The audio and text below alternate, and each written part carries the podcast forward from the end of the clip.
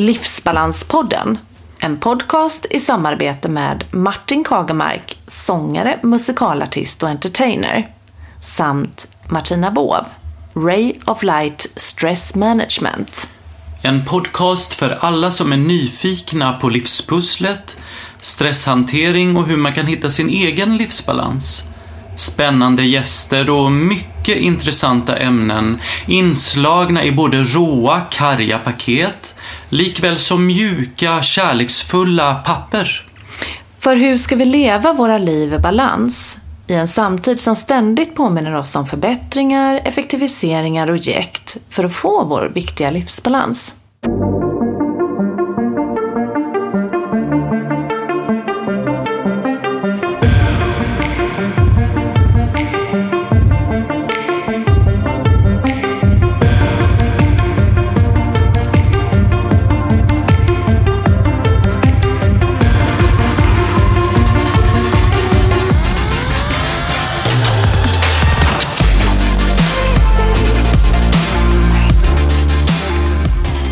Träffade Shirley Clamp hemma hos henne i Skarpnäck, Stockholm.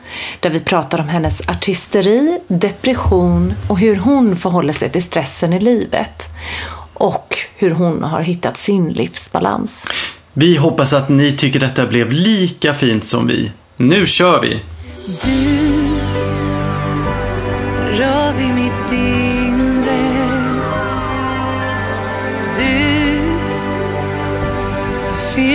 fyller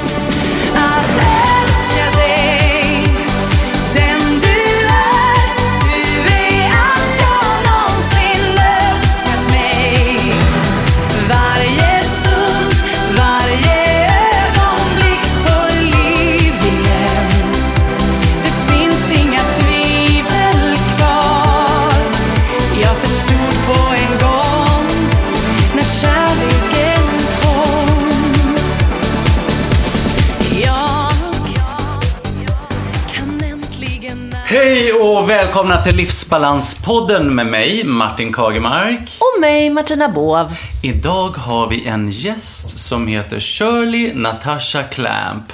Född 17 februari 1973 i Borås. Popsångare och låtskrivare som bland annat har deltagit flera gånger i Melodifestivalen. Och berätta själv Shirley, vad, vad, vad gör du mer? Alltså det var så fin presentation. Ja, tack så mycket. Ja, vad gör jag mer? Alltså jag gör ju inte så himla mycket mer än det professionellt. Men sen är jag ju mamma. Det är ju mitt största kall i livet känns det som. Eh, och sen, jag är ju så himla bra på att inte göra någonting. Det tycker jag är skönt. Det är bra. Det är faktiskt väldigt bra. Låter väldigt, eh, Harmoniskt.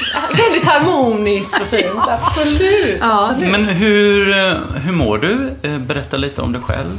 Nej men jag tycker jag mår bra. Jag har ju eh, många i, det här, i den här branschen, i det här yrket. Så gäller det ju att älska sig själv eh, när man även har perioder där man inte syns lika mycket utåt. Och i början när man hade fått det här uppsvinget och det här genombrottet så tvivlade jag på mig själv där då när jag liksom kanske inte var med i Melodifestivalen eller kanske inte syntes så mycket. Så var jag såhär, nu är jag ju värdelös. Nu får jag byta jobb liksom. Men med åren så har jag ju lärt mig att gilla den sidan också när man har lite mindre att göra. Men jag kan gå in i lite låga perioder. Så ett ärligt svar på frågan är att jag är lite i en låg period nu. Men jag mår ju bra. Och oftast är det inför när jag har mycket. Eh, För snart blir det lite mycket igen då. Så jag mår väl ändå bra tycker jag. N- när du pratar om den låga perioden, vad, vad menar du då? Ja, det är ju lätt för mig att säga så. Det höll jag, hörde jag ju nu att det kanske man inte fattar. Eh, jo, men eh, energin i mig blir låg eh, på ett deprimerande vis. För att verkligen måla det så att alla förstår. Mm. Eh, och jag behöver inte vara djupt nere i en depression för det har jag testat och det är jag inte den här gången, tack och lov. Men jag känner eh, eh, symptomen liksom. Och jag känner att jag liksom, äh, men jag tackar hellre nej till mingelfester och jag behöver inte åka in till stan. Och jag eh, kanske inte känna att woho, jag bjuder hem massa människor på middag. Utan jag vill vara själv mycket.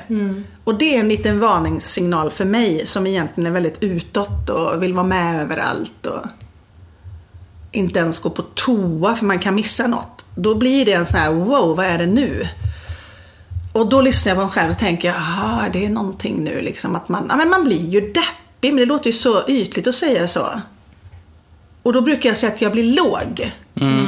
För att man ska inte liksom använda ordet deprimerad hur som helst för att det är jättesvårt att vara deprimerad. Det är jätteallvarligt. Så därför vill jag inte säga så jag är lite deppig nu. Alltså det låter så himla respektlöst. Och då har jag valt att säga låg. En låg period tror jag säger till och med.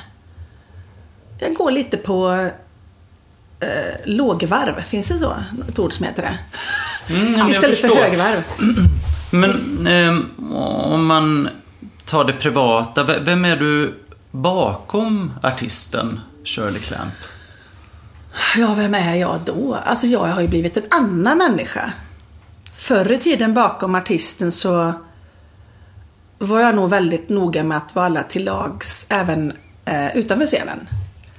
Och ville att alla skulle älska mig och jag ville veta att, att jag var omtyckt överallt. Och det blev ett heltidsjobb. Och det var det som fick mig att nå min botten. Men nu tror jag nog mer att jag är väldigt eh, sval och cool. Man bara, va? Jo, för jag vill hem och bara så här. Har jag mitt barn så vill jag bara hänga med henne, kolla på våra favoritprogram, program, program, laga mat, softa, hänga, chilla. Och har jag inte henne så är det likadant fast man kanske så här, ah, men jag kan bara komma hem till dig och kolla på en film och hänga. Och jag har blivit en helt annan person. Jag känner liksom att om någon skulle säga så här, jag gillar inte dig. Nej, men vad är det som får dig att känna det då? För jag fattar inte, ha gillar inte du mig? Det var ju synd. Att inte ta det så personligt hela livet. Var det ett svar? Eller ja, det var väldigt rörigt. Men du fattar vad jag menar. Ja. Att inte ta allting så Nej, personligt faktiskt utan inte. eh, säga vad man tycker och tänker. ja. Tror jag är, är rätt viktigt i livet. Men det är inte jag så bra på ju. Det har jag blivit bättre på nu. Mm. Jag har inte varit bra på att kanske säga oj det där sårade mig det du sa nu. Utan då har jag mer varit så här, skrattat bort. Och, Men jag har blivit bättre. Eh, nu, nu, nu, jag vill inte lära mitt barn att man skrattar bort sånt som gör ont. Utan nu har jag tagit min mamma-roll, som det på ett sätt är, på fullast allvar. Och jag vill vara en bra förebild för henne. Precis, så det är ju din dotter som har Ja. gjort att du liksom eh, har kommit insikt där då. Det, det är faktiskt så. Och jag är så himla glad att jag fick bli mamma. Det har ju räddat mig i så många avseenden alltså. Jag var ju värsta partypinglan innan på många sätt och det är jag inte längre heller liksom. Menar du alkoholen då? Absolut. Hur mycket? Absolut var ju roligt att säga det med. Nej men mycket fest och oj oj oj. Även om jag inte upplever att jag liksom kanske skulle kunna hamna i, i, i det som ett missbruk så tror jag nog ändå att varje kväll för mig, varje festkväll blev ju ett missbruksbeteende. Och men, men att, att det blir väldigt beroende för mig, men, men tack och lov. Men alltså vad man har gjort tokiga grejer. Och då tror jag när jag blev mamma att jag kände eh, att det var, hon blev viktigast helt plötsligt. Och att jag inte ville riskera någonting. Jag ville inte försvinna från henne liksom. Så att det kunde vara allting från att inte bli onykter och inte dra iväg spontant som man kunde göra innan. Men vi drar till Barcelona! Och jag bara ja! Och nu bara nej, för det kan hända något. Alltså jag blev väldigt orolig också. Nej, det går ju inte. Det Nej. håller ju inte. Nej. Nej. Nej, precis. Eh, hur, det här med utmattningssyndrom. Eh, har du någon gång eh, touchat det ämnet eller har du någon gång varit eh, hamnat i en utmattning? Alltså jag vet ju inte för jag När jag trodde det När jag gick till den här psykologen när han sa att jag var deprimerad. Då, då trodde jag och vänner som jag vände mig till innan jag gick till en psykolog att det kunde varit utmattningssyndrom. Men då visade det sig att det var det inte, utan det var en depression. Och nu är inte jag utbildad i det här och jag ska egentligen inte sitta och, och säga det här men jag var lite tacksam på ett sätt över att, att, det, att det inte var en, ut, ett, en utmattningssyndrom. Eh, och sen eh, är jag som person och i min personlighet hamnade inte på botten av skala 1 till 10 i min, i min depression. Jag kanske var nere på en, en 4, 3 om man ska tänka i skalor. Eh, så att jag med fina hjälpmedel och hemläxor och metoder kom ju tillbaka ganska så fort, eh, två år. Eh, Medans utmattningssyndrom tror jag är tuffare att komma tillbaka från. Så jag, jag, var, jag var tacksam över att det inte var det. Men jag trodde, för symptomen är väldigt lik. Precis. Fick jag höra, eller när jag pratade med till exempel våran kollega Nanne Grönvall som var eh, hamnade i, ett, ut, i en utmattningssyndrom och jag bara kände det tar ju flera år att komma tillbaka med alltså. Ja, men precis. För du har ju varit rädd för att det har, har varit det också ju. Ja, herrejösses ja. I vissa situationer. Och det är ju när man inte... Jag är ju kontrollmänniska på många vis för att man är... Man vill vara bra på sitt yrke, man vill ha koll på allt och alltid ge hundra. Det gör att man blir en kontrollperson. Och när jag ibland kunde tappa det för att eh, kanske min eh, hälsa då eller min, min hjärna blev trött eller allt vad det nu var. Då fick jag ju panik och ångest över att jag hade tappat kontrollen. Jag fattade inte att det var eh, något fysiskt liksom och en, en diagnos eller vad man ska säga. Jag trodde ju bara att jag höll på att tappa det och då var jag livrädd, kommer jag ihåg att nu går jag in i väggen. Men det slapp jag. Tack och lov. Mm, tack och lov. Och det vill jag göra allt nu i mitt liv för att inte hamna där heller. Vad härligt. Alltså det är verkligen helt rätt inställning. Ja. Så då får man hitta sina små knep. Så brukar jag skämtsamt säga att jag tar taxin om jag ska till stan på möten. Jag tar inte bilen. För att bara leta parkering för mig blir liksom Alltså min puls och jag blir stressad. Jag vill aldrig komma för sent. Jag vill inte att folk ska stå och vänta och jag vill inte sätta någon i skiten. Så bara tar jag taxi och så kommer man in och så bara Jaha, vad kostar den resan nu då? Då blir nästa stresspåslag så här typ att 340 spänn och så ska jag hem med 700 spänn tur och retur till ett möte. Då kommer den stressen. Så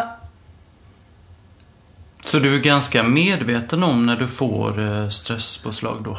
ja, det tycker jag. Så jag vet ju ofta hur jag ska undvika dem. Ja, det, Det känns som, skulle jag vilja säga att jag vet.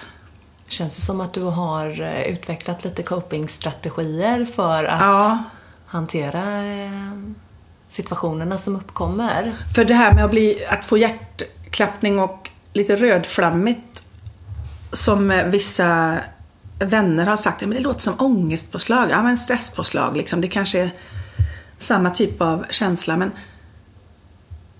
jag, jag vet eh, Ja, då, då, nej, men då, då tänker jag så här, vad kan jag minska? Om vi bara tar en dag, vad kan jag ändra på och minska stress eh?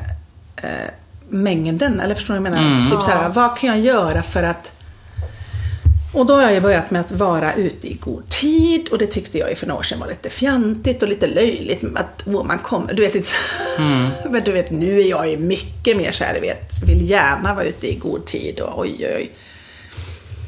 Eh, lite mer som min mamma då. Pensionär.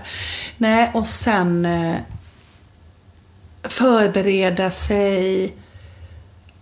skriva ner på lappar hur dagen, det som ska göras för att sen kunna bocka av är jätteskönt för mig. Det är liksom något av det bästa jag vet. Att liksom, Checka av på Ja. listan liksom. nej men nu kommer jag inte på alla exempel men, men dagarna blir ju skönare om man minskar stressen. Det är inte så jädra lätt men när man har massa ungar som ska till olika träningar och sådär. Men nu har jag ett barn och jag kan laborera det liksom. Jag kan liksom planera och tänka hmm, då går jag så hinner jag hem och hämta bilen och hämta Vilja och så, ja bra, och så planerar jag ganska mycket och det, innan var jag mycket mer så aha, vad kul, jaha. du, du känner att du var lite mer tidsoptimist förr? Ja, och lite mera spontan liksom. Sådär härligt spontan. Mm. Bara, För vem? Ja, ja. Men Shirley, när du får så här stresspåslag, eh, vad händer hos dig då? Fysiskt. Mm. Ja, men hjärtklappningen eh, och att andningen ham- hamnar ovanför hjärtat och lungorna. Och att jag... Nu, nu kan jag, jag, vet, jag tror att jag kan lura rätt många nu. Jag kan hitta en andning som funkar ändå, där jag kan prata lugnt ändå och liksom parera den stressade andningen.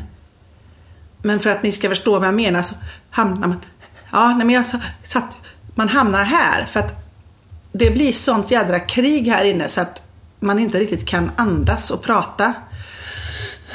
Man vill liksom ner egentligen så här men så hinner man inte det för jag är ju superstressad. Hjärtklappning, rödflammigt. Sen har jag någon arm, axel. Som ibland jag kan få så här, åh, och så tänka sig varför har jag ont där nu? Och då kan jag komma på så här, ja, ja, jag är säkert orolig för det och stressad över det. Men gud vad sjukt att min axel berättar det för mig. Men det är ju väldigt nära ångest, stress. För mig är det det i alla fall. Vet inte vad ni anser där. Vi sätter ju inte någon diagnos. Nej men är, är det inte likt då? det är väldigt likt och man kan ju inte säga att det ena utesluter det andra. Nej. Precis. Um, ångest är ju en slags problematik, eller en liten gren inom stress, stressdelen om man säger. Eh, som man kan lära sig att hantera på olika sätt. Men eh, vid ett kraftigt stresspåslag så kan det givetvis liksom gå in i varandra. Mm, det leder till en, kanske en depression eller Ja. Ja. ångest. vid väldigt många återkommande tillfällen ska sägas att få ett eller en ångestattack eller en panikångestattack betyder inte att man är stresssjuk på något Nej, sätt. just det. Utan att eh, vid eh, återkommande eh, tillfällen eh, så, Så kan det det, le- ja. Mm. det skulle kunna leda på sikt till ja, Men är det ett fysiskt, är det en fysisk liksom eh, det som händer, det jag säger att, att man blir, man får hjärtklappning och att andningen sticker och att man kan bli alltså lite flammig och lite Ja, ja, för då, då, har, då, då är jag inte helt ute och cyklar. För det, Det kallar ganska- jag stress. Det är ganska typiska Ja. stresspåslagssymptom eh, som kroppen visar. Det du pratar om. Och det är ju så läskigt egentligen. Ja. Ibland, min mage är ju också en, en, en plats på min kropp som berättar saker för mig. Så, ja men ett exempel när Vilja var ute i en bil med sin pappa Daniel när hon var liten. Jag var kvar hemma i huset och så kom de inte när de sa att de skulle komma hem. Och det var dåligt väder och så hör jag ambulanssiren ute. Och innan jag ens vet det så sitter jag på toan.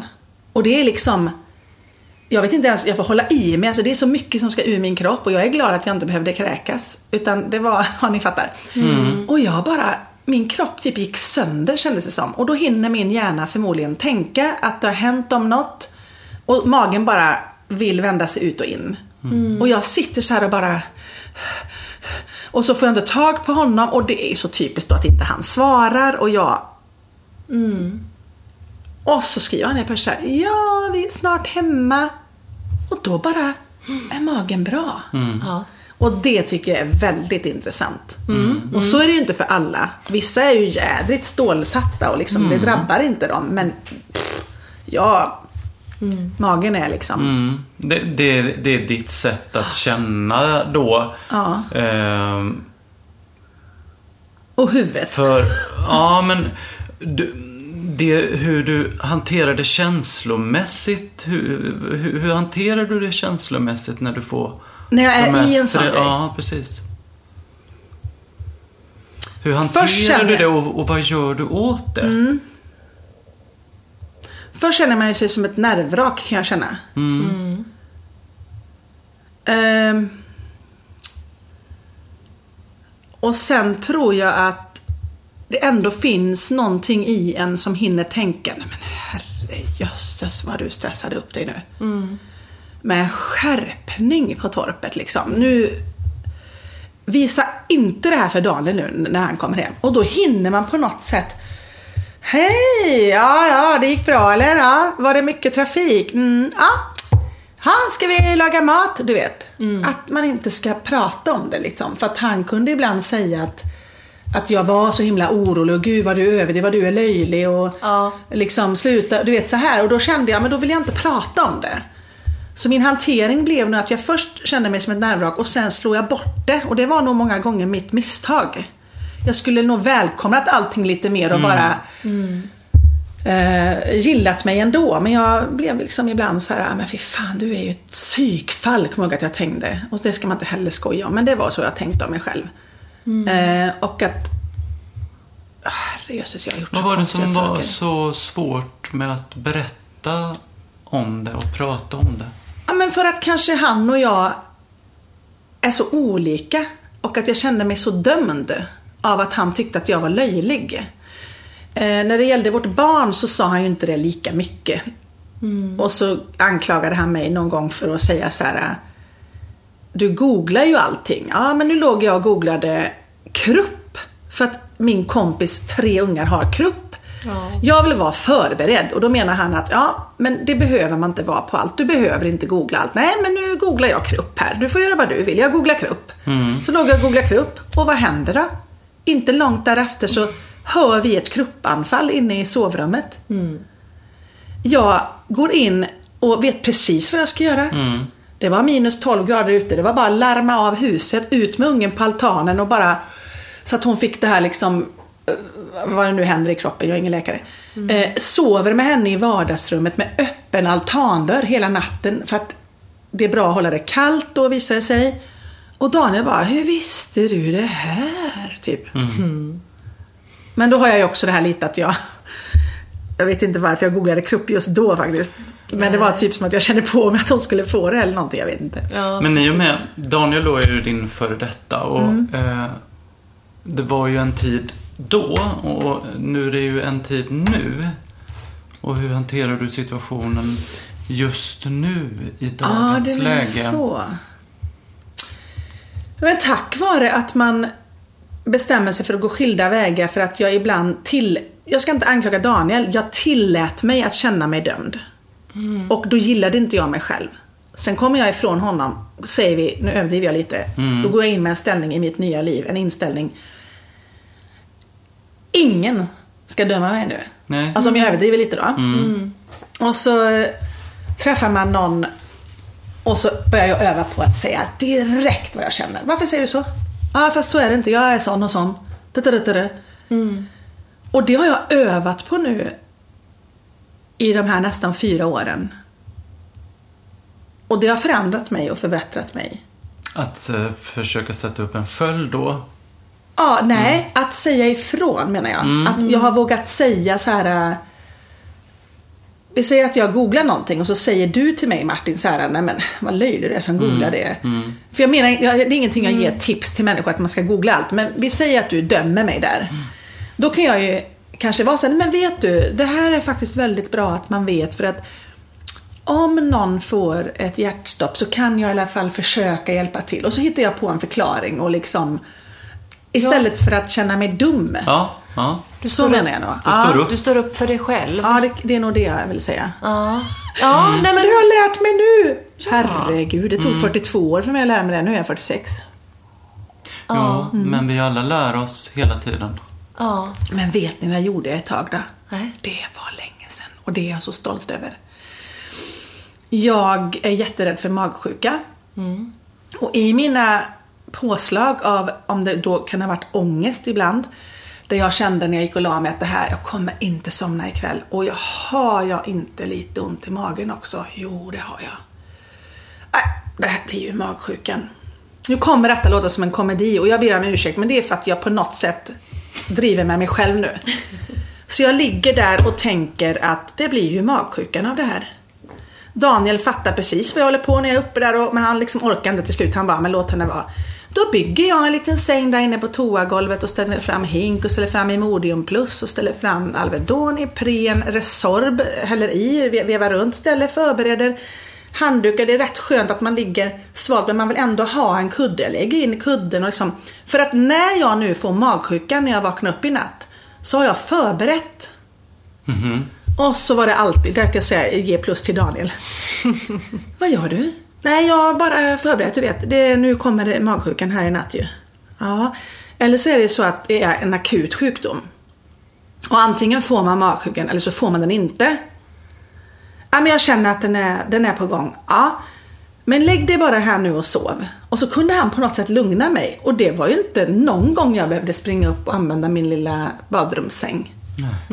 Men jag ville vara förberedd. Vad är det som gör att du är så rädd för eh, magsjuka? Ingen aning, för jag... Skulle du må dåligt eller du så skulle jag säga men kör fingrarna i halsen och kräks. Så blir allting bättre.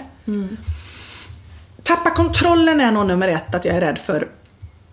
Och sen har jag haft några riktiga såna här äh, i mitt liv där man inte vet om man ska ta vägen för det kommer från alla håll samtidigt. Och jag är nog rädd för att tappa kontrollen så mycket. Har du känt att vissa rädslor har eskalerat med tiden? Någon gång? Menar du så här äh, med tiden i mitt liv? Ja, alltså till exempel att du är rädd för att eh, åka med någon som kör i hög hastighet. Ja, du tänker så. eh, Nej. Och så har det blivit mer och mer. Alltså försöker tänka katastroftänk nu. Ja. egentligen, om du förstår vad jag menar. Nej, jag nojar mig inte över många olika saker. Det, det har ju varit maggrejen där. Ja. Sen är jag inte den personen som går runt och är rädd. Men det jag kan oroa mig över, och det är främst sen jag blev mamma. Det är ju, om jag flyger utan henne så har hjärnan ibland, jag är inte flygrädd. Jag är inte rädd för saker, men det här är jädra skillnad. Ja. Men hjärnan drar iväg mig. Eh, ångesten tar över och bestämmer. Och så låter jag den dra iväg med mig och säger Det var ju dumt. Nu kraschar vi ju. För det är ju jättebumpy här nu. Och, och Vilja kommer inte ha någon mamma. Och så fortsätter jag. Och Vilja. Och så dör jag. Och så blir det så och så. Och sen sitter jag i panikångest. Ja. En hel flygresa. Och jag är inte ens flygrädd. Och det sen jag blev mamma. För att jag tog den här rollen på sånt allvar då naturligtvis och bara Nej, jag har blivit orolig sen jag blev mamma. Det, det, den flyggrejen där kan jag ibland eh, gärna tacka nej till. Men jag är inte flygrädd, förstår du skillnaden? Alltså det är faktiskt absolut. skillnad. Och jag kan faktiskt eh, säga att den kan jag relatera till Ja, väldigt tydligt. Ja. Eller, eller karuseller, vad heter det? Åkattraktioner på, på Ja. ett nöjesfält. Ja. Då kan jag vara så här på, på, på, på Liseberg då, eller Gröna Lund för den delen. Eh, och så tänker jag avstår. Och för några år sedan så hade jag aldrig avstått. Nej. Det var det bästa jag visste. Och nu börjar jag tänka, vem har skruvat dem mutter? Vem har skruvat åt dem? Ja. Jag vill veta vem det är som har, du vet, hjärnan Exakt. går... Jag blir varm bara jag tänker på det alltså. Alltså jag känner igen eh, Ja, men, mycket av det du du det där säger. Martin? Eller är det bara typiskt tjejigt då? Eller för att vi blir mammor? Eller jag fattar inte. Jag känner ju inte samma sak. Jag är ju ganska Inte med åldern heller. lugn. Jag har blivit eh, lugnare med åren, tror jag. Oj. Mm. Men det kanske beror på att man inte har barn och att man inte är rädd om någon, höll på att säga. Eh, men jag har ju alltså- min man eh, som jag tänker på väldigt ofta, liksom om jag är ute någonstans och, eller han är ute och flyger och det skulle hända någonting. Alltså jag vet inte vad jag skulle göra. Men får, blir du orolig då så att det fysiskt tar över? Nej. Nej, det kan jag inte säga att det gör. Nej, faktiskt inte. Men Inte så starkt Nej. som eh, jag hör dig säga. Det känns också lite som att du eh, refererar mycket bakomliggande grejer. Att det finns fortfarande kvar. Liksom, att du kanske inte har ar- Det tar ju väldigt lång tid, jag förstår det, från ett förhållande och bryta sig loss Ja. helt och hållet. Och, men det finns fortfarande kvar grejer från ditt förhållande som du arbetar med. Ja, och, och du, vi har ju känt henne ett tag Martin och det... Jag är väldigt bra på att slå bort det jobbiga i mitt liv. Nu visar jag här med den här gesten, ni vet, där man gör så här på, med, med fingrarna på axlarna så här. Jag är ju så här, bort med det. Så, nu Borstar går livet vidare. liksom. Och det försvinner ju inte, men jag skjuter mig själv ifrån det och sen kommer ju allting tillbaka till en. Och det här kan ju vara från, du vet, uppväxten, vet att, man, att pappa lämnade oss. Det kan vara från första pojkvän, det kan vara från eh, mitt ex eller mitt långa förhållande innan det. Alltså jag har ingen aning, men Nej. jag blir inte klar. Jag kan bli så stressad ibland att jag känner att jag, blir inte, jag gör inte upp med någonting i mitt liv. Jag bara... Du, och så går Ja, jag vidare. känner så att det är du inte konstigt att det ploppar det upp. med... Att man vill bädda på badrumsgolvet. För rätt vad det är får du ju en känsla av någonting som var kanske för 10-20 år sedan. Jag har ingen aning vad det är egentligen. Men jag har ju prövat terapi och, och gå till en psykolog och, och det har hjälpt i korta stunder men det handlar ju om att jobba med sig själv och framförallt acceptans. Att man är som man är. Ja, vilken typ av terapier är det du har provat på? Jag prövade kognitiv beteendeterapi i början för då behövde jag quick fix. Ja. Förlåt, jag måste skratta. Ja, man Jag skulle, jag skulle vara med i ja. Mello. Ja. Ja. Och jag hade för första gången i mitt liv, i mitt melodifestivalsliv, så hade jag hamnat sist i en deltävling. Och jag brydde mig inte så mycket på kvällen där när man gick runt bland journalister och alla frågade hur det kändes. Då var jag verkligen så här äh, höger hand upp. Nej men herrejösses, någon måste hamna sist och idag var det jag. Det kunde lika gärna varit någon annan. Jag är lika glad för det. Hej då, nu ska jag gå och amma mitt barn. Men ett år senare så hamnade jag ju liksom i det här totala liksom... Vad fan hände? Det var typ ingen som röstade på mig. Har jag blivit dålig nu? Och sen då ett år efter det då, för då höll jag på i ett år med terapi. För då skulle vi vara med i Melodifestivalen med Shirley's Angels. Och då sa min före detta skivbolagschef Maria Molin Ljunggren att hon trodde att jag hade prestationsångest. Ja. Och då gick jag till en kognitiv beteendeterapeut för att han jobbade, hade jobbat med idrotts, elitidrottare Ja. Eh, med prestationsångest. Och eftersom jag är så väldigt intresserad av psykologi, intresserad av hjärnan och intresserad av allt detta så var det intressant att jag gick dit som, med mig själv som patient.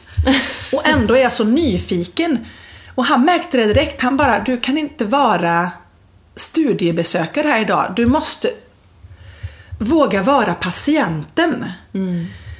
Gråt människa om du behöver, säger han. Och jag bara, nej. Gud vad du är rolig. Nej, men jag behöver inte gråta. Nej, det är inget fel på mig. Så sitter jag så här, barriär, barriär och skojar med honom. Och liksom blir lite tjenis och bara, vad intressant. Du vet, han bara, fast vi pratar om dig. Ja. Sen säger han någonting, men gråt. Och jag bara, för att jag pratade om jobbiga grejer, men jag höll ju fasaden uppe. Sen gick jag ut på gatan efteråt. Det var på Östermalmstorg. Och bara bryter ihop utanför porten. Då, då gick det ju att gråta. Då släppte alla spärrar. Där kunde jag gråta. Och det var ju en, det var en dörr som öppnades kan jag säga. Var det en aha-upplevelse? Mm. Ha- Alltså, under den här perioden, hade du problem med att gråta eller liksom känna den här... Ja, jag har allt. Alltså du säger ju något intressant där. För att Ja. du frågade om jag hade problem med att gråta och känna. Man bara, känna är ju ett stort problem i mitt liv. Och det har ju med uppväxt och, och allt sådär att göra. Och Att våga släppa in någon, du vet. Och jag klandrar, min mamma har gjort ett jättefint jobb med mig och min eh, syster och hon har varit ensamstående hela livet. Men det har ju också gjort att, att jag inte har sett det naturliga i att en, en kvinna behöver en man, att en kvinna gosar och pussas med en man, att en man är någonting vi behöver då i mammas fall. En, en liksom En manlig det är förebild. okej att liksom, så att vi är nästan lite uppfostrade med att man behöver ingen man. Och det gör ju att när någon säger så här, jag älskar dig. Men gud vad du är rolig. Eller en gång när en frågar, vill du gifta dig med mig? Jag bara började gapskratta och tyckte liksom att det var jättelöjligt. Man bara, men är du full liksom? Och när Vilja frågar mig när hon är fyra år, hur, varför är du gravid? Varför, varför? Jag stod och borstade tänderna så helt avslappnad och hon sitter på toa. Jag har ett barn. Hon tittar på mig och så säger hon, varför har du inte ett barn i magen om det ändå ser ut så? Åh. Jag tänker, ska jag ta foten på huvudet och bara trycka ner henne i toastolen och spola? Eller ska jag ta tag i det här? Då säger jag så här, nej men hjärtat, mamma har ju lite rundare mage och det har ju inte alla kvinnor. Eh, och nej, är man gravid har man en mycket större mage. Hur blir man gravid? Och jag svarar det här barnet, my god. Man åker till Köpenhamn och man behöver ingen man. Du kan vara ihop med en tjej. Och så hämtar man ett rör. Och sen hör jag ju vad jag säger jag bara. Fast oftast måste jag ändå säga så kanske det är en man och en kvinna som gör barnet. Men dit vill jag inte gå. Av många anledningar. Jag ville inte ta det här in och ut med henne. Och jag ville inte att hon skulle binda upp sig vid att hon måste hitta en man. Alltså det var så mycket krig i min hjärna. Så jag säger, man åker till Köpenhamn hjärtat. Men det var ju fint Ja men det är att så säga konstigt. det på det sättet just där och då. Det, det föll sig mer naturligt då. att Men hon fattar ingenting. Hon kollar på mig ungefär som mamma, mamma, jag vet ju att man behöver en penis och en vagina. Ja, Typ så. Ja. Och i slutändan, ja, vi behöver en penis och en vagina. Oavsett hur vi lever. Men vi, de behöver inte jobba med varandra. Nej, jag dör alltså.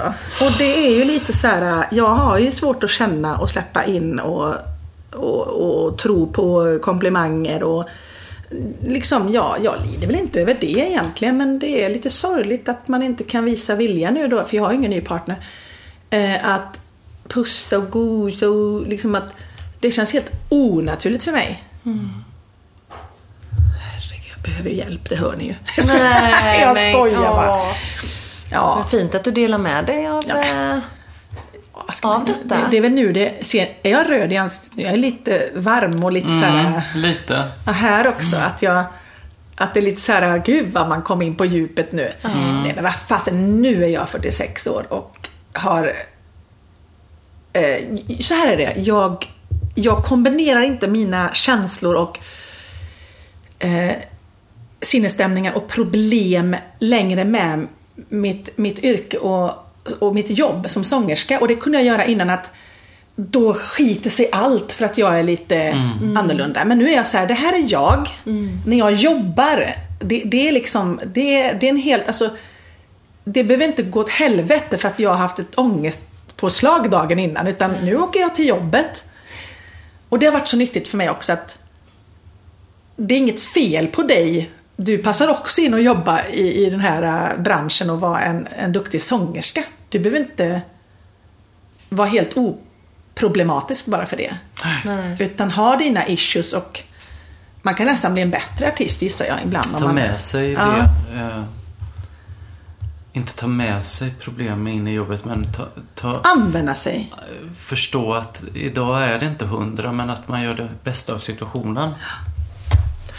Men va, vad skulle du kunna säga vad som är eh, det bästa tipset eh, för, för en eh, stressfri vardag? Oj! Har du något? Jo men jag var ju lite inne på det tror jag också där du vet att man planera och planera. Och i mitt fall skriva dagen på en lapp. Eh, Det som måste göras idag är ju till exempel att, ja men just det, Vilja ska ju tvätta sitt hår för det har blivit massa tovor. Och sen måste jag hinna handla och sen är det att jag ska betala räkningarna. Och detta ska jag hinna innan jag nattar henne säger vi. Och Då skriver jag i det den ordningen jag vet att jag ska göra det. Och sen går jag fram och så stryker jag så här. Bra. Ha, då ska vi se, då kan du gå på börsträna så ska jag bara betala räkningen. Och bara, ha, eh, och då var det det, det. Och sen så bara... Det är så skönt för mig att få det på ett, på ett blad liksom. Istället för att behålla det i huvudet. Eh, sen så, äh, vi har ju redan varit inne lite på det. Eh, men jag tänkte om du vill berätta lite mer om eh, om det är någon särskild situation som har påverkat dig, som du tror eh, har påverkat dig. I, I livet menar du Li- alltså? Precis. Mm, Eh, en stressfylld livssituation som du har tagit dig igenom. Gud vad intressant. Men en stressfylld livssituation. Alltså någonting som hände som orsakade att jag drabbades mer av stress och så menar du? Precis. Gud vad spännande. Alltså samarbeten, och då menar jag både i jobbet och privat. Alltså att märka att en annan människa påverkar en mer negativt än positivt. Att, att jag har tillåtit mig att vara i den situationen i många, många år utan att ta tag i det. Istället för att tänka att den här personen tar energi av mig. Jag ska inte hänga med den här personen. Jag kan inte jobba med den här personen. Jag kan inte leva. Alltså det kan vara vad som helst. Det har ju då påverkat mig och i flera år ibland så har, man ju, har det påverkat dig utan att du har vetat det. Mm. Och därför kan jag rekommendera terapi till alla som lyssnar för att det är oftast då man får reda på det. Eller kommer fram till det ska jag säga, för det är du själv som gör jobbet i de här lägena. Men att man liksom Men jag ska ju inte vara med den, eller jag ska ju inte göra det med den, eller jag behöver inte gå och fika med den, eller jobba med den. Och bara tänka så här Vilka ger mig liksom energi och bränsle liksom, och vilka tar? Så jag tror att det många gånger har varit att jag har hängt med fel personer. Som har drivit mig in i... Och det är allt från pojkvänner då till eh, arbetskollegor. Men just i den situationen då, hur gjorde du då för att ta dig igenom den situationen? Ja. Och eh, hur hanterade du den situationen just då, när den hände? Alltså det är ju skitläskigt att, att ta det här snacket till exempel. Att gå fram. Det kan, även om det är en pojkvän. Jag har aldrig gjort slut med en kille i hela mitt liv. För jag har ju separationsångest också om vi ska ändå prata om ångest. För att jag har blivit lämnad och bortvald av min egen far. Så är det ju jättehemskt att göra slut på någonting. Så att steget att gå fram till, vi säger en arbetskollega och säga så här. Jag vill inte jobba med dig mer. Och no hard feelings, men jag behöver inte dig i mitt liv. Där behövde jag ju professionell hjälp. Mm. Men så jag hanterade det så att jag sökte hjälp. Och när den personen frågar vad är dina största issues och hinder i livet, vad är det som får dig att må dåligt? Och så säger vi då att det var Hans och så var det Greta. Då ska vi jobba bort Hans och Greta eh, ifrån dig. Du behöver inte göra dig av med Hans helt och hållet, för Hans kanske är din eh, någon som du behöver i ditt liv. Men den behöver inte heller ta så mycket tid av ditt liv och vara så nära. Och du behöver inte alltid känna att du ska umgås med den personen för att den vill och du behöver inte acceptera allt den säger. Och jag bara, herregud, jag fick ju hemläxor och grejer. Och så fick jag fylla i så hur min sinnesstämning kändes när den hörde av sig. Det räckte med lite sms så kunde min sinnes, sinnesstämning gå från en åtta till en fyra. Och det var jätteintressant att förstå hur en annan människa kan påverka dig. Och sen gick jag och berättade detta på ett eller annat vis till den här människan. Och oftast ska jag också säga till er och till alla som hör detta, så är det inte så farligt att säga rakt ut i det läget att jag, för oftast kan det vara så här med, men jag känner likadant. Man bara, har jag gått här i 10, 12, 15 år och den personen har känt, Ja. varför har jag inte sagt det innan?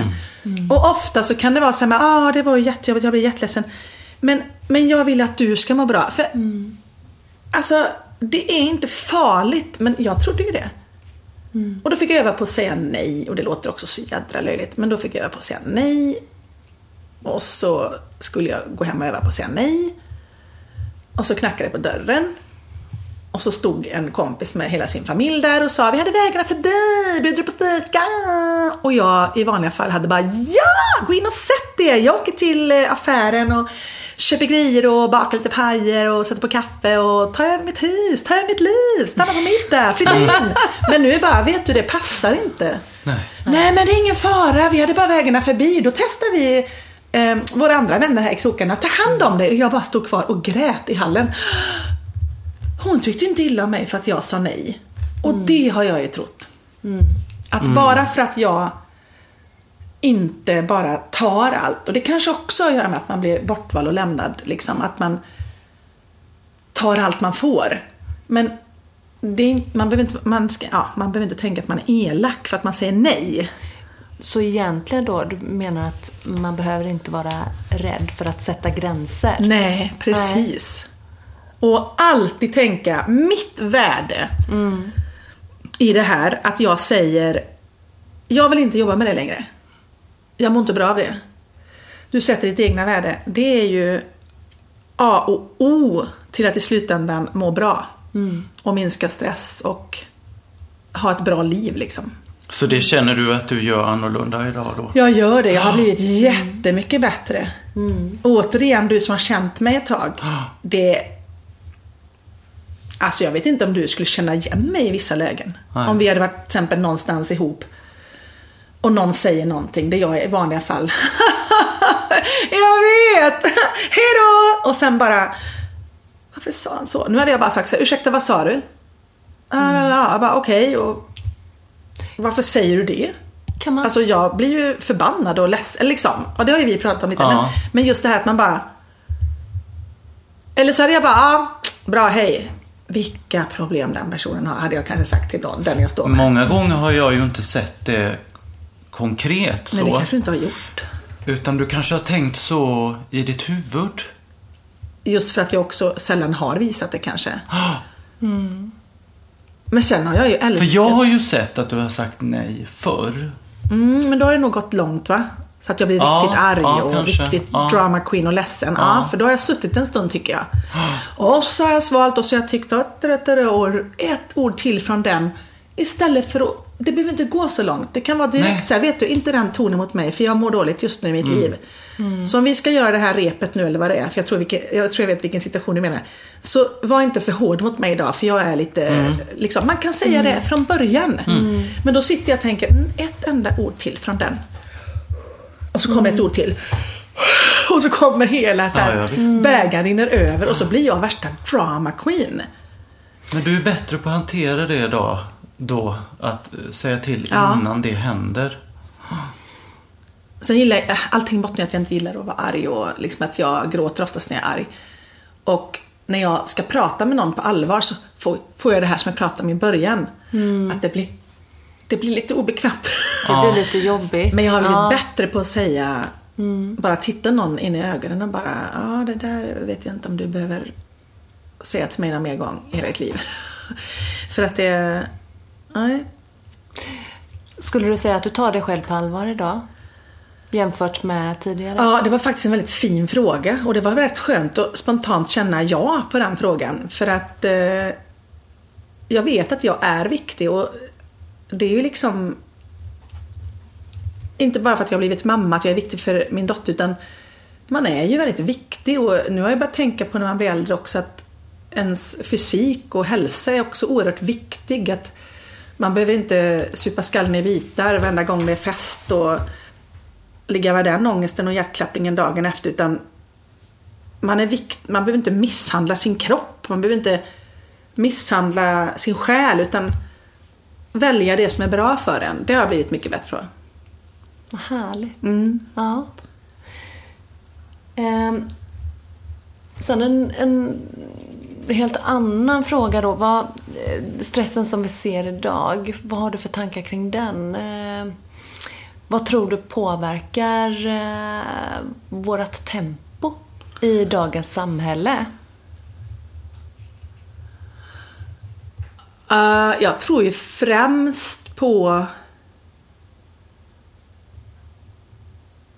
jag tror främst på allt det här med sociala medier, att du kan se så mycket och få liksom... Dels som vissa behöver kanske en morot i det och då blir det en stress att "Ah, nu har den gjort det och då, det ska jag och det har jag ju sagt att jag ska göra. Ja, nu måste jag göra det och då måste jag göra det nu. Nu har ju den gjort det som jag har sagt att jag ska göra och så blir det någon slags tävling hela jävla livet. Och sen att du ser så himla mycket på sociala medier så att man får en känsla av, jag drar en löjlig parallell här nu och vi säger min vän och kollega eh, Carolina Gynning som är en fantastisk entreprenör och eh, businesswoman. Eh, nu stämmer inte detta riktigt men bara för att ni ska förstå vad jag menar så, så blir jag så här men vad kan jag mer än att sjunga? Men kan inte jag måla ganska bra? Ska inte jag börja sälja tavlor med? Och så är man aldrig nöjd där man är för du hela tiden tänker Nej men nu släppte hon ett vin också, men kan inte jag släppa ett vin? Och så går det bara, och det har ju med att jag kan se varje dag vad alla andra gör. Det blir en tävling. Och det är stressande om något. Och då är mindfulness, som vi inte har pratat om så mycket nu, men som jag vet att ni jobbar mycket med och jag har tagit som en metod till att hjälpa mig själv ibland. Ja, det är ju det. ytterst viktigt nu. Att människor, och nu, nu är inte jag någon yoga-människa tyvärr, men det har inte jag fastnat för. Men att bara fatta vad man har och att man att vara nöjd med det man är och har tror jag kan minska dagens stress också. Att inte hela tiden vilja ha något annat. Nej men precis. Ehm,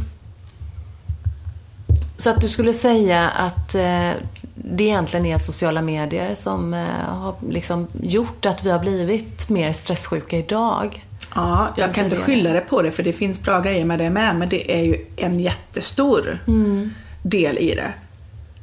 Att vi... eh, När Instagram blev så himla stort så började man att jämföra sig själv med andras konton. Men har inte jag lite fel ljus i mina bilder? Nej, men hur fick den det ljuset? Och har den en fotograf när den fotar sina middagar? Nej, men då måste jag anställa en fotograf och fota. Du vet, det har blivit så himla... Så nu tror jag nästan att det sticker ut om du är raka motsatsen. Precis. Så det är nästan... Men Shirley, vad, vad skulle du vilja ge för råd till våra lyssnare?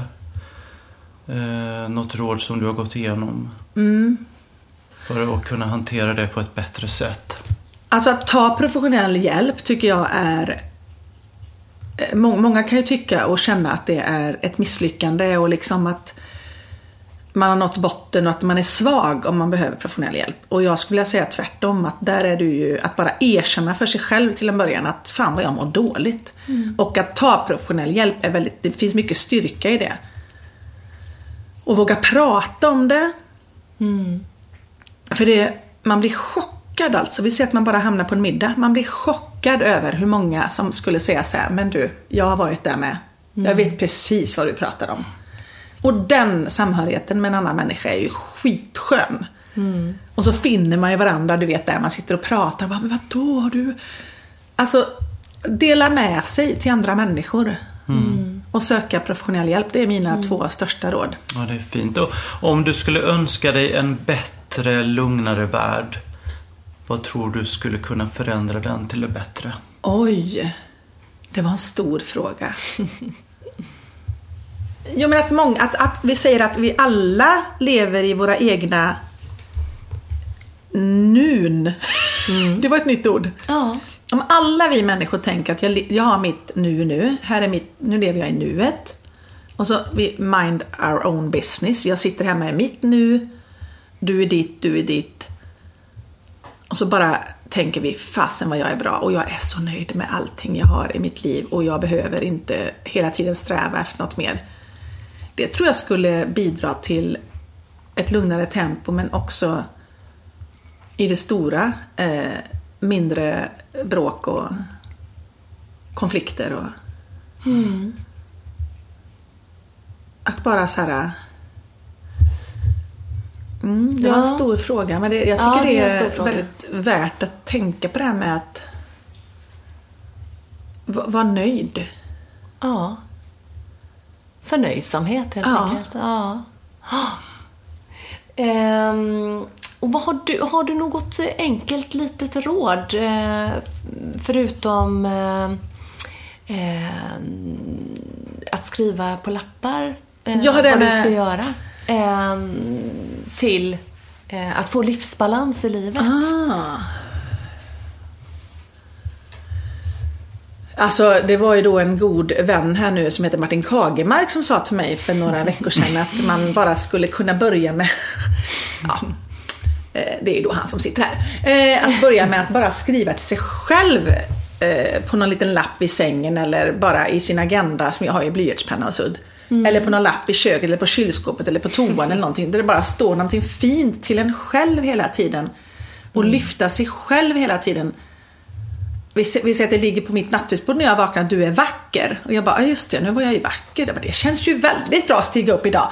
Och så kommer man ut kanske vid morgonkaffet och så står det, gud vad du är bra. och man bara, ja, nej men just jag är bra också.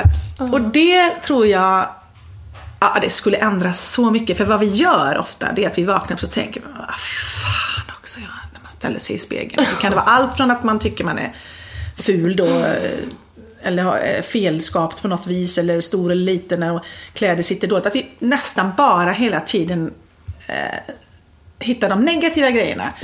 Och då sa Martin det till mig, nej men nu är du hård mot dig själv. Du kanske ska vara snäll mot dig själv. Och det är så underskattat. Det är, vi måste börja tänka mer så. Eh, Att älska sig själv. ja, Det, så det är ju också ett, ett, ett tips. Ja. Ja, men ett jättefint tips verkligen. Ja, men det, och det kommer ju då som sagt från vår gode vän här. Ja. Men jag Ja. lyssnade och tog åt mig och tog med det och skrev i flera veckor. Ja, affirmation. I flera veckor skrev jag. Du är bra, du är fin så här på översta i min agenda.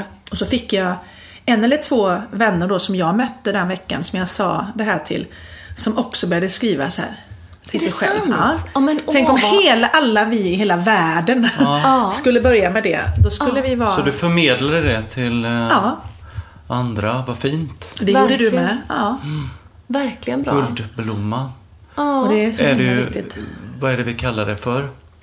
I skolan Eh, när vi skriver. Ja, precis. Guldkorn. Guldkorn. Ja. Ah. Ehm, precis. Åh, vad spännande. Ja. Jag vill också utbilda mig till det här. Det hinner jag väl kanske. Ja, Ja, det är klart du gör. det är klart du gör, Shirley. Och jag som ältar ju det här, men eftersom jag har känt dig Martin, att jag bara känner ju på hela dig som person att du har förändrats mycket. Mm. Och sen vilka vapen och metoder och sådär, det, det är olika från person till person vad vi behöver och sådär. Men jag kan ju känna att, jag menar vi kommer alltid vara vi. Och det kommer alltid komma glimtar i det, man är lite sprallig och tokig som vi alltid har varit sedan vi var yngre. Men att du har hittat ett annat lugn. Och det gör mig lugn tror jag. Vad härligt. Ja, Ja. Ja, men det är någonting ja. du märker som, ja. det tycker jag är skönt. Vi har ju ändå känt varandra i 25 år. Det är rätt. Är det 25 år? Men säg inte det, Det är ju så. länge. På tal om att bli Det är stressad. fantastiskt. Ja, det är fantastiskt. Ja, det, det är det ju. 25 år. Och, men jag tror mycket på att vara här och nu. Det är någonting jag strävar efter, även om det är tufft ibland och, och svårt. Eh, Men det är, någon, det är ett mantra jag har lite så här att vara här och nu. Och det hjälper mig i alla fall i många situationer. Som affirmation? Ja, kan man ju säga att man har det som. Ja. Och, och, och ett sista tips bara är ju att Jag var ju lite inne på det innan Men jag måste jobba med det här men det blir också som ett tips Att inte jämföra sig med andra Och jag var ju lite på inne, på det när vi pratade om Instagram Men i mitt yrke med eftersom jag är en, och en, en sångerska som eh, många känner till Så Måste jag också fatta att, för det är stresspåslag om något att bara för att mina fantastiska kollegor gör allt det här fantastiska och jag sitter hemma och bara hyllar dem och tycker så här så handlar det handlar inte om att inte jag skulle kunna göra det, eller förstår du vad jag menar? Ja. Utan att vi alla finner oss i någon slags egenvärld i det här mindfulness och det här nuet. Där man bara tänker, det här har jag att bjuda på. För du, det blir ju ett krig inom mig själv och för resten av mitt liv om jag ska tänka att Nej, nu får jag ju börja jobba med fisk. För nu har ju den personen varit så bra här nu. Nej, men Alltså vadå? Ja, men alltså, ja, ja, det är så... Man jämför sig hela Ja. tiden. precis. Så vilket yrke man än har menar jag. Att bara vara så här. Jag är unik Exakt. i det jag gör. Liksom. Ja, Det var en fin avrundning att säga jag är unik. ja, vi är unika. Ja, det är vi faktiskt. Absolut. Tack Shirley Clamp. Tack Jag, snälla. jag är jätte, tack, jag är jätteglad att jag gjorde det här. Och jag har blivit varm. Om ni bara kunde... Alltså jag har typ fått feber på det här. Ja, det är fantastiskt. Ja, Tack våra lyssnare. Tack snälla. tack själva allihopa. Tack. Om ni vill komma i kontakt med oss angående Livsbalanspodden eller andra uppdrag så finns jag på martin.kagemark.telia.com eller på min hemsida martinkagemark.com. Och mig Martina på martina, B-A-A-V, gmail.com och på Instagram. Och där heter jag Ray of Light understreck stress management. Du